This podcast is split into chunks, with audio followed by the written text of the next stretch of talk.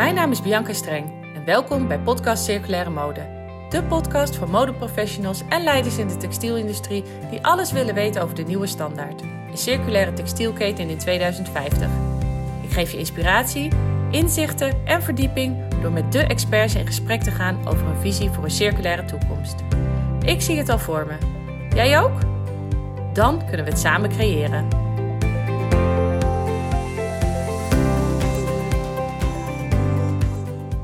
Vandaag heb ik een vrouw achter de microfoon met een indrukwekkend track record op het vlak van change management.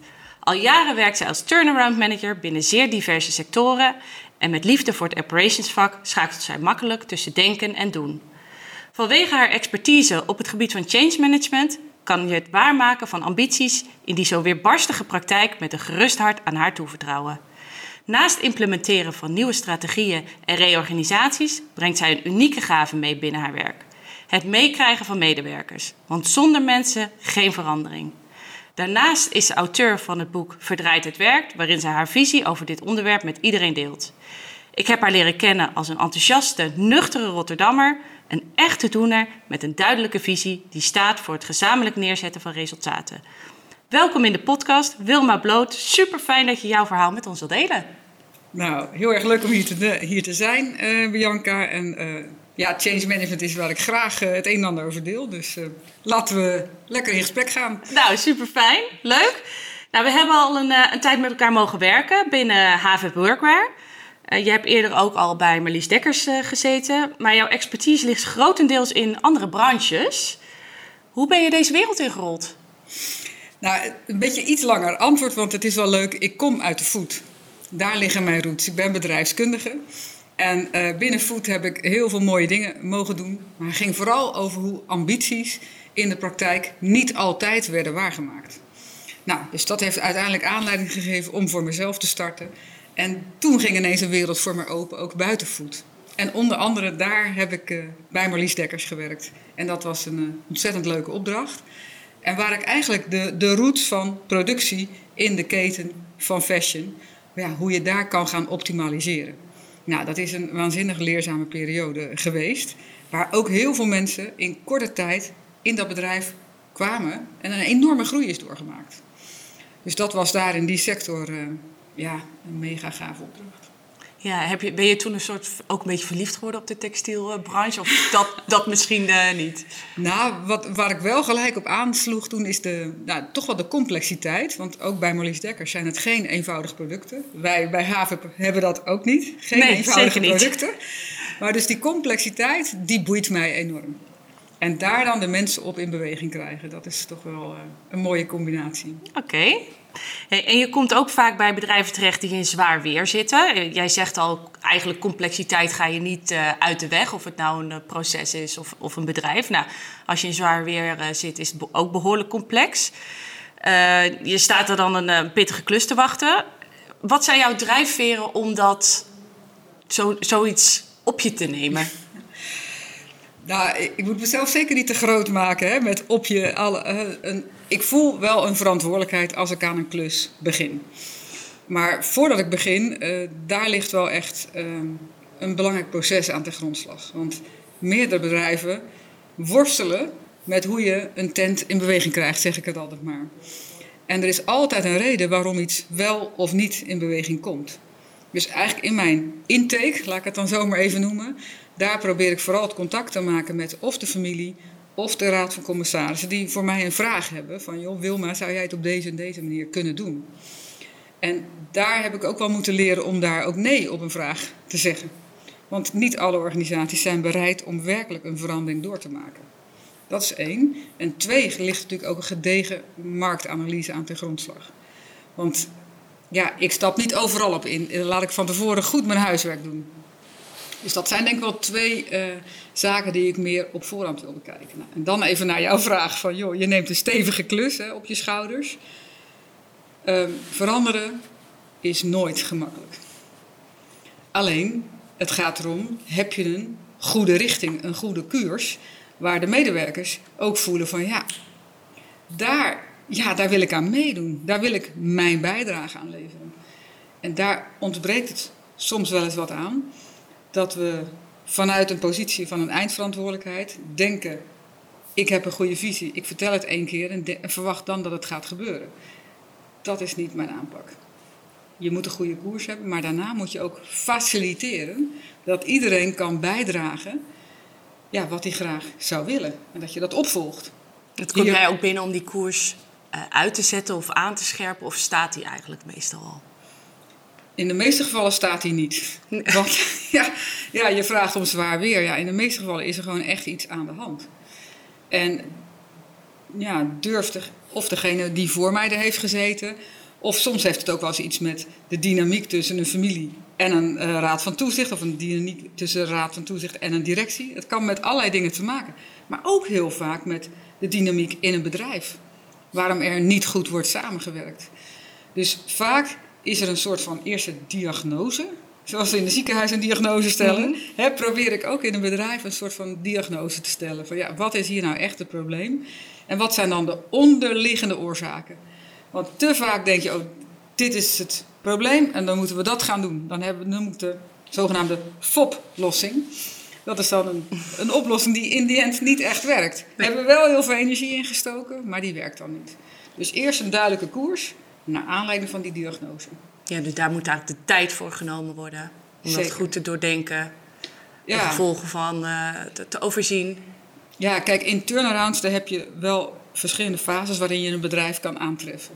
Je kan ook op 1 voor 12 binnenkomen. En dan, dan moet het in hele korte tijd. Maar ook dan vraagt het wel een, enige zorgvuldigheid. En dan helpt het als je nog meer in de sector zit, waardoor je precies weet waar er geld verdiend moet worden. Want in die end heeft het ook vaak te maken met dat een bedrijf onvoldoende winstgevend is. Ja, ja. en als je een uh, ja, bedrijf binnenkomt en, en je, gaat de, je gaat de klus aan, zeg maar, dan zijn alle ogen op jou gericht. vaak neem ik aan. Zo van deze vrouw gaat hier wel wat verandering brengen. Wanneer besluit jij, ja, dit, ik ga hiervoor? Ja, nou, dat is eigenlijk wel een hele mooie vraag, uh, Bianca. Um, nou, ik denk het eerste die ogen, die kan ik altijd heel goed voelen. Dan, ja, die roepen ook om hulp. Ja, heel vaak uh, is het de medewerkers niet iets te verwijten.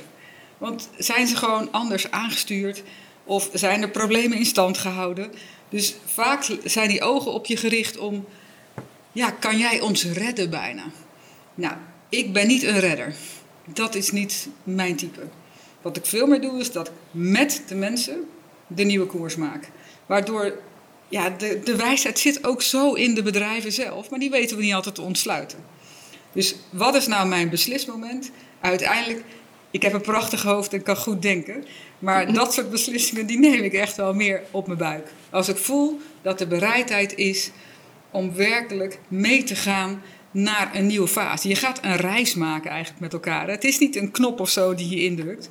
Nee, je gaat een intensief traject in waarin je elkaar wil vasthouden. En dat is op mijn buik dat ik voel, oké, hier is werkelijk een stuk bereidheid om een reis te gaan maken. Ja, precies. En jij coacht als het ware de medewerkers daar ook doorheen? Of de managers die de medewerkers weer moeten meenemen? Ja, nou, dat is wel mooi verwoord, coach. Ik weet niet of iedereen het altijd zo ervaart, maar er is wel altijd mijn open hart en mijn hart voor mensen. Dat maakt wel, ehm, denk ik, dat mensen mee willen in de verandering. Dat ze ook voelen dat ze bij mij even ja, mogen zijn wie ze zijn. Met hun worstelingen, want een verandering vraagt natuurlijk ook gewoon heel veel. Ook continue zelfreflectie. Ja. Ja, doe ik de dingen die nu moeten gebeuren, maar doe ik ze ook op de manier dat het werkelijk dient. Hè? Dienen, dat is echt superbelangrijk. Te vaak blijf je op je eigen terrein bijvoorbeeld nog een stukje zitten. Want dan ben je al blij dat je daar overleeft. En hoe kan je dan ook nog verbinden met collega's? Want een turnaround vraagt juist niet alleen doen. Vraagt elkaar vasthouden, elkaar versterken. Ja, ja je, je ziet het nu ook eigenlijk heel erg hè? In, in de wereld eigenlijk ook, wat er gaande is.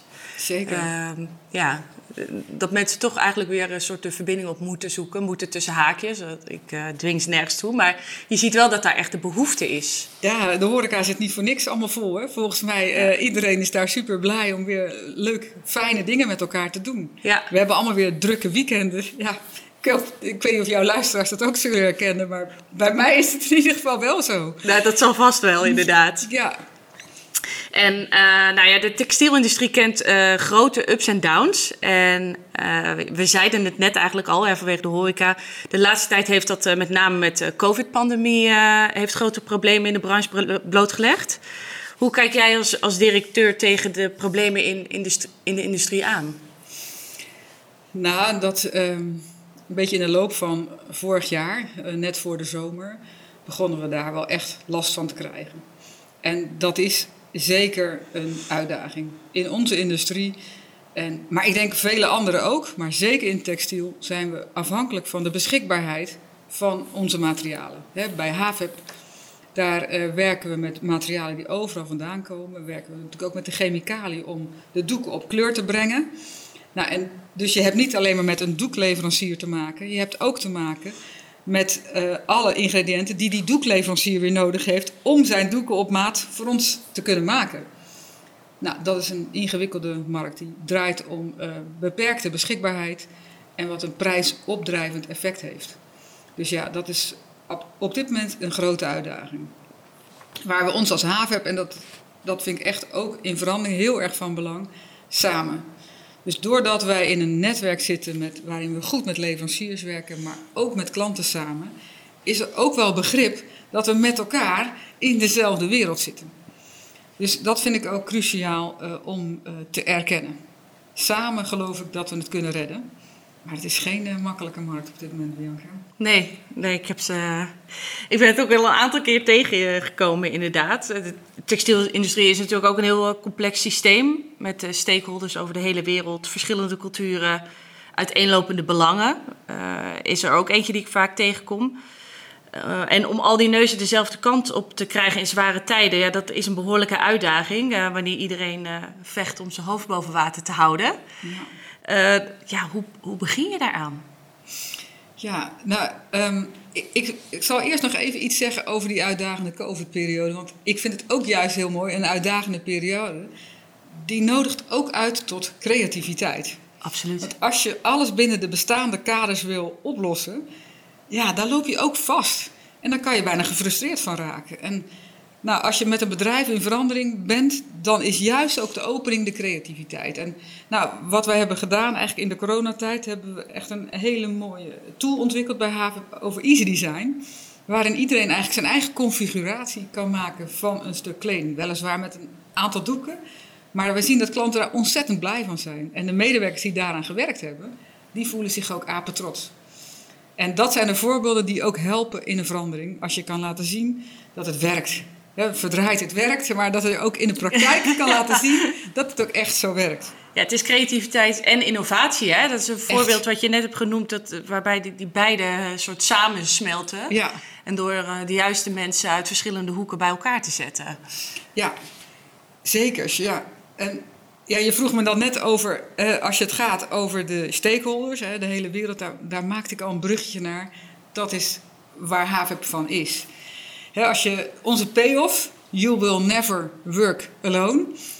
Ja, daar zeg je, er zitten twee ontkenningen in. Maar het is zo mooi, want iedereen kent natuurlijk You Never Walk Alone. Mhm. En zo hebben we daar mooi op voortgebouwd. En ja, wij geloven echt dat we het niet zonder mensen om ons heen kunnen. We hebben een stevige regie in de keten, maar met leveranciers samen. Want leveranciers die willen uiteindelijk van ons weten... hoeveel ga je, denk je, te verkopen? En wat vertaalt zich in hoeveel meters doek? En wat betekent dat voor ons dan? Hoe we overal alles vandaan moeten halen. Hoeveel ruwdoek moeten we dan reserveren? Dus ja, wij zijn enorm verbonden met onze leveranciers. Niet alleen van doeken, maar natuurlijk ook van onze trimmings. Hè? Alles wat je gebruikt. Uh, ritsen, knopen, garens. Um, en als klanten hebben wij uiteindelijk um, met elkaar de uitdaging om de materialen op tijd beschikbaar te maken voor de ateliers. Om te kunnen produceren. Want een atelier, daar wil je gewoon dat je maximale productieminuten kan maken. Dat is uh, waar het over gaat. En dan met zo min mogelijk afval. En de producten maken die uiteindelijk zo duurzaam mogelijk zijn. Ja, Want precies. dat is natuurlijk uh, wat de grootste uitdaging in onze sector uh, is op dit moment. Ja, ja en jij, je zei net, ja, de stakeholders willen van ons ook, of de leveranciers willen ook weten hoeveel meter doek gaan we afnemen. hoeveel minuten ga je bij ons produceren. Dat zijn allemaal uh, vragen die best wel gericht zijn op... Natuurlijk, je wilt mensen aan het werk houden... maar het zijn ook best wel vragen die gericht zijn op de financiële zekerheid. Hè? Uh, dat is natuurlijk super belangrijk om een gezond bedrijf te hebben en om daarmee ook een duurzaam bedrijf te hebben. Maar behalve financiële gezondheid is, zijn goed werkende teams ook super belangrijk.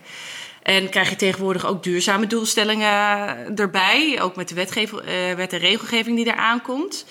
En in de textielindustrie is dat geen uh, 1 2 um, hoe ga jij daarmee om? Nou, um, als eerste, HAVEP maakt onderdeel uit van een zeer duurzame familie. de Van Puijenbroek familie, uh, family office. Ja, iedereen die onderdeel hiervan uitmaakt, heeft een DNA wat draait om duurzaamheid. Dat is wel heel fijn. Nou, voor mij een van de beweegredenen om hier ook te zijn, is om voor dit mooie bedrijf te werken, omdat ik daarin ook voel dat ik daar op mijn plek ben. jij vroeg er straks van nou, waarom accepteer je een opdracht of wanneer start je ergens? Dat heeft ook daarmee te maken dat ik voel dat ik van waarde kan zijn. En zo kan ik op twee manieren van waarde zijn. En door mij als mens neer te zetten, maar ook omdat ik in een sector werk waar we echt een verschil kunnen maken, juist vanwege duurzaamheid. En dan is het ontzettend prettig dat je daarin de support van een familie ontvangt die dat ook uitademt in alles wat ze doen. Dus ja, we hebben duurzame doelstellingen, maar die waren er al ruim voordat er überhaupt uh, het maatschappelijk nog een veel groter thema is geworden. En ja, duurzaamheid gaat niet alleen maar over materialen, maar dat gaat natuurlijk ook over nog zoveel meer. En even de kern van Haven is dat wij de meest kwalitatieve producten uh, maken, die dus ook gewoon lang meegaan. Dus dat vind ik ook eigenlijk belangrijk, dat soms wel eens iets te weinig aandacht krijgt. Dat het ook om levensduur gaat. Zeker. Nou, en ja, duurzaamheid en doelstellingen. Ja, dat, wij vinden het eigenlijk belangrijk dat onze klanten naar hun stakeholders ook kunnen laten zien wat werken met havenproducten betekent voor hun impact die zij hebben op het milieu. Nou, en nou, daar hebben wij eigenlijk een heel mooi instrument voor gemaakt. Dat noemen we het LCA-kompas, waarin onze klanten aan hun stakeholders kunnen laten zien wat, uh, ja, wat, hoeveel minder impact ze hebben door onze producten te dragen. Dus ja, uh, ja dat is een fantastisch instrument. Ja, het is heel mooi, dat hè? het dus heel mooi klopt. Ja, ja het is heel mooi dat je natuurlijk met feiten uh, kan Tell onderbouwen ja, wat je doet. Ja. Dus niet, uh, niet roepen, maar ook laten zien inderdaad wat je zegt. Beetje Rotterdamse, hè? komt er dan in terug. Uh, ja, ja, ja maar wel super belangrijk. Ja, nou, maar dat is toch ook wat, wat klanten graag willen. Je wilt ook kunnen laten zien aan jouw omgeving dat, ja, dat je met duurzaamheid bezig bent. Ja, ik denk ook als je daar, als je het niet kan onderbouwen, dat mensen, ja, daar prik je snel doorheen. Zeker. Je, hebt nu, uh, je moet wel met iets meer voor de dag komen tegenwoordig dan ja. uh, een mooi praatje. Ja, precies. Um, ja, en nou ja, reorganisaties leiden. Daar komen ook grote valkuilen bij kijken, denk ik, voor bedrijven tijdens de implementatie. Uh, wat is de grootste valkuil? oh ja. Nou, hier zijn natuurlijk al heel veel boeken over geschreven, Bianca. Maar als ik het gewoon maar heel persoonlijk probeer te beantwoorden. Hè, want je wordt gevraagd en dan voel je ook een soort van honger en dat je het fijn vindt om in te stappen. En ja, de grootste valken is toch gewoon dat je jezelf wat overschat en dat je de situatie iets onderschat. Waardoor je te snel begint aan uh, de quick fixes. En dat daar onderliggend natuurlijk de patronen zitten die de hardnekkigheid van de, van de uitdaging aangeven. Ik moet zeggen dat ik nou, inmiddels door de veelheid van ervaring daar veel alerter op begin. Maar toch is er altijd de honger van even de quick fixes, de eerste resultaten laten zien. Maar vooral grondig uh, durven beginnen. De tijd nemen en jezelf ook even de ruimte geven, je omgeving daar managen. Uh, dat is wel echt, uh, echt van belang. Ja, en die quick fixes, is dat voor medewerkers bijvoorbeeld ook belangrijk om te laten zien van nou weet je, we kunnen dit doen en dan zie je gelijk al resultaat. Maar daarnaast moeten we ook nog naar de diepere laag kijken. Ja, het is heel erg van belang als je kijkt naar verandermanagement dat je een eerste groep mensen die staat eigenlijk altijd al op. Die, die vinden het ontzettend fijn dat er iemand staat waar ze weer mee verder kunnen. Ik noem dat meestal de eerste 30 procent. die gaan mee omdat ze instappen, omdat ze geloof hebben in de nieuwe koers en die willen graag bijdragen. En dan is er een groep van ongeveer 70% over. En dan is de verleiding om op dat moment in te gaan stappen op de groep die eigenlijk een beetje aan de wagen hangt. Hè, waar de enorme weerstand zit. Nou, wat ik denk ik zou willen meegeven is dat je in het begin daar nog niet alle aandacht op hebt. Maar dat je vertrouwen hebt dat de aanpak dusdanig werkt dat die tweede groep, die 40% ongeveer, dat die langzaam, die zijn een beetje afwachtend. Hé, hey, nou dan gebeurt echt wel wat. En dan gaan de collega's elkaar eigenlijk helpen. En dan is zo'n laatste 30%, ja, weet je, die gaan of mee of niet. En dat is ook op een bepaalde manier prima, maar dat heb je altijd. Ik heb nooit de illusie dat 100% allemaal op de banken staat van yes, we gaan eens even lekker met z'n allen veranderen. Zo werkt het gewoon niet. Iedereen komt ook onderweg. Ja, jij zei het zo mooi in de inleiding, die weerbarstige praktijk. In een reis, zelfs als je zelf een reis maakt, kom je altijd zaken tegen die, ja, die tegenvallen, waar je moet incasseren. Mm En ik geloof gewoon niet in veranderingen die alleen maar halleluja zijn. Dat is gewoon niet zo. Je kan je namelijk. Eh, een onderscheidend vermogen hoe je omgaat met veranderingen is voor mij, en dat heb ik wel moeten leren, dat een tegenslag, je kan kiezen hoe je met een tegenslag omgaat. En dat, dat is niet altijd een teleurstelling. Je kan ook kiezen om je te zeggen, oké, dit is er nu. En hoe verhoud ik me ertoe?